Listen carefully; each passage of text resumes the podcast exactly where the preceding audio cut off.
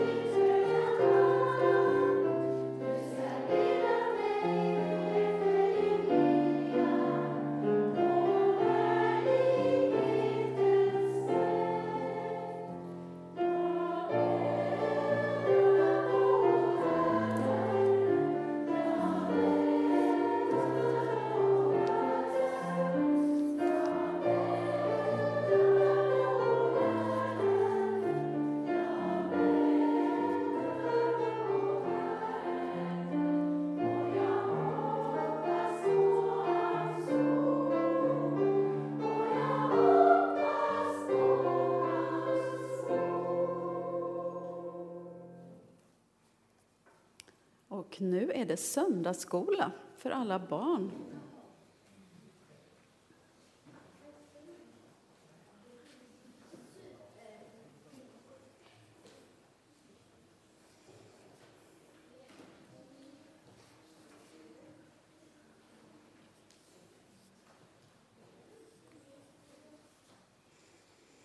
Ja, herre, tack för alla barnen i vår församling. Tack för att du har skapat dem och att du älskar dem. Och tack för din omsorg också om oss. Vi ber att du ska komma med din heliga Ande nu och öppna de här knepiga texterna för oss. I Jesu namn. Amen.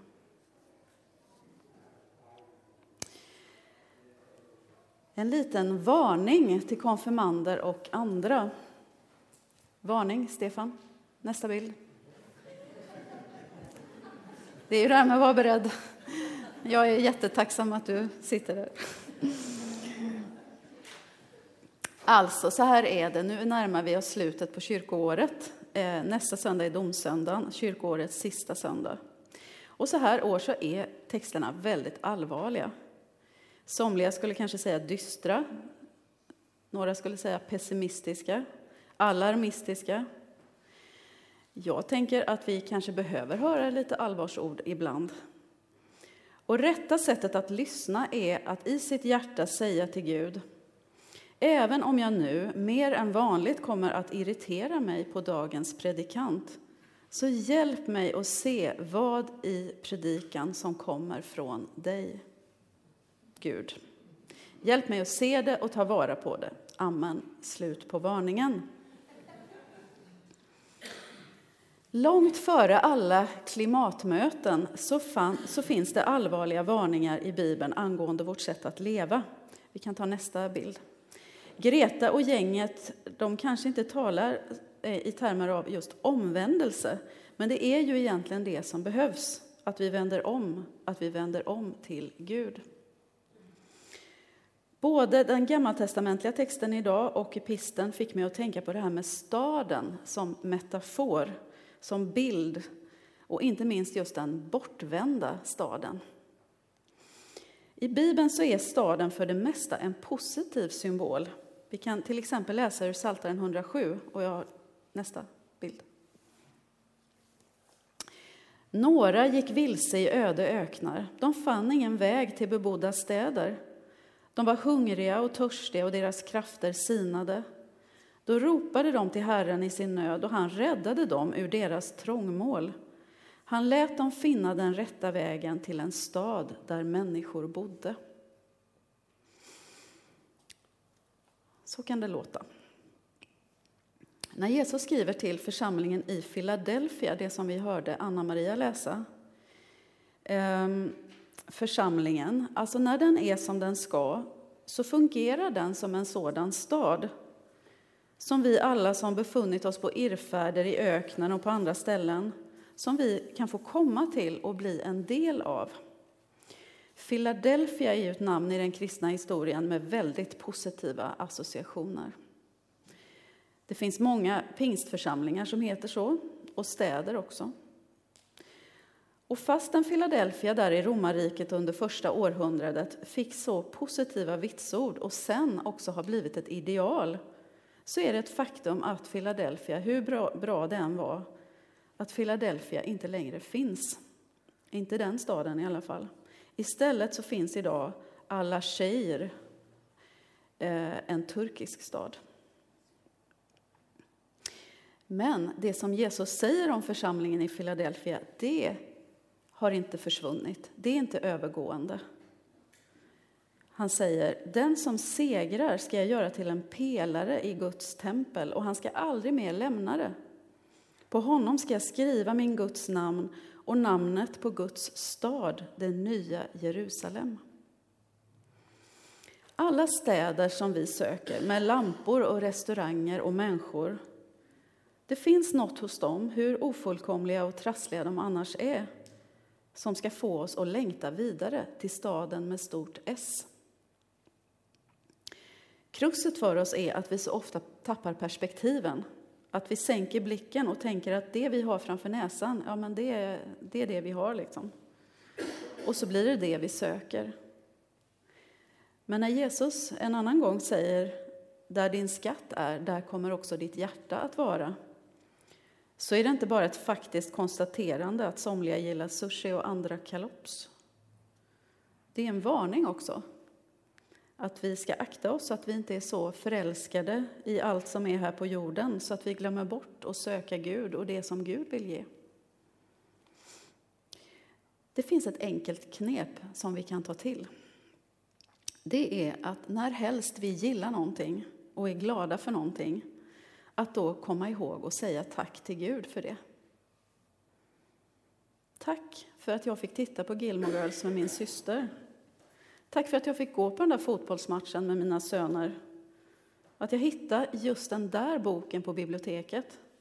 Tack att jag klarade provet. Om vi lär oss detta så kommer vi att kunna njuta av allt det som Gud ger oss här utan att kräva det, utan att begära det, som om vi ägde det och helt förfogade över det. När vi tackar så påminner vi oss själva om att allt vi har, har vi fått av Gud. Det är kanske är en ny tanke för dig, men pröva den. Ofta i det bibliska sammanhanget så vänder sig staden bort från Gud. Det är det som profeten Sefania beskriver i den texten som Ami läste. Det är som att de fått sin stad och allt av Gud och sen har de glömt bort honom. Det sker om och om igen. Och jag undrar om inte orsaken till att det behövs ett klimatmöte i Glasgow är just det att staden glömt bort Gud, glömt bort att tacka. Vi har som kultur betraktat krävt mer och mer. Vid middagsbordet i en diskussion så tycker vi förstås var och en att det är förfärligt med miljöförstöringen och utsläppen. Men när det kommer till kritan så orkar eller vill vi inte leva som vi lär. När det passar oss så tar vi ändå flyget. Vi köper ny mat för det är för jobbigt att tänka på vad vi ska göra med de där tråkiga gamla resterna. Vi köper nya grejer fastän vi redan har för mycket. Kanske tänker vi att om det verkligen ska ske en förändring så måste det vara industrin som går i bräschen. Och så gör vi det där lilla tankefelet som är så lätt att göra. Spelar väl ingen roll vad lilla jag gör. Men om Gud har skapat jorden så är den hans. Om Gud har skapat oss så är vi hans. Då är det viktigt att vi försöker leva så att vi inte är så där bortvända eller vända mot oss själva bara och att vi bara fattar beslut utifrån hur det känns just i stunden.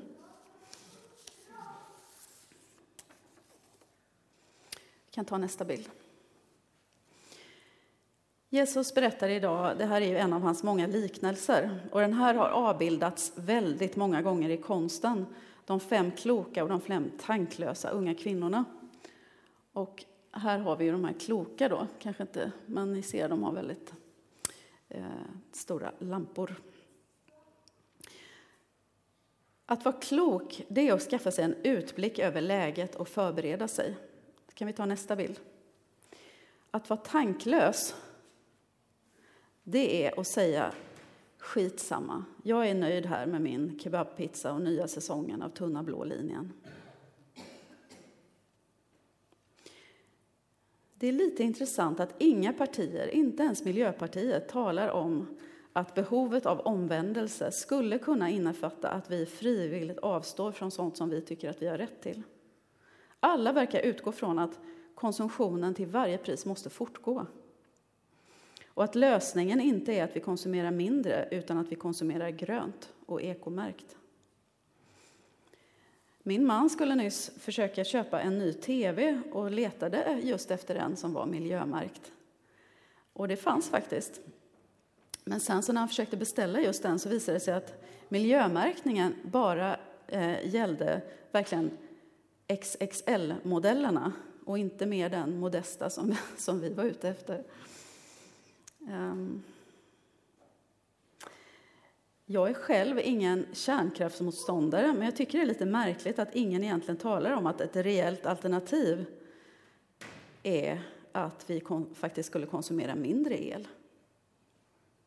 Vi är alla insyltade i detta. Och det är precis som Paulus alltid har sagt. Alla har syndat och gått miste om härligheten från Gud. Om det är så att den här jorden slits ut att den inte bara kommer att finnas i all evighet och att det i all evighet kommer att vara business as usual, så som vi är vana. Utan att Gud har förberett en annan tillvaro för oss. Ja, men då är det klokt att förbereda sig för den. Att vänta uppmärksamt. Att inte somna, bli likgiltig och nöja sig med skitsamma. Vi kan ta nästa bild. Då, säger Gud, ska jag förvandla folken så att de alla talar med rena läppar, åkallar Herrens namn och tjänar honom skuldra vid skuldra. Det är en rätt fin bild av vad Gud vill med oss. Han vill liv för oss. Han vill att vi ska värna den där lågan i hjärtat och att vi som döpta ska låta vårt, vårt lilla ljus skina ut över världen. Världen behöver att det lyser. Städerna behöver att det lyser. Jag tänker på Jona som fick i uppdrag att predika för en bortvänd stad, Nineve. Det var riktigt mycket synd och ondska som pågick där, kanske ungefär som hos oss. Men till Jonas egen förvåning så lyssnade de på vad han sa. Till och med kungen lyssnade. De vände om, de sa förlåt. Låt oss be Gud att han ger oss sådana hjärtan som inte är så stolta att de inte kan eller vill säga förlåt.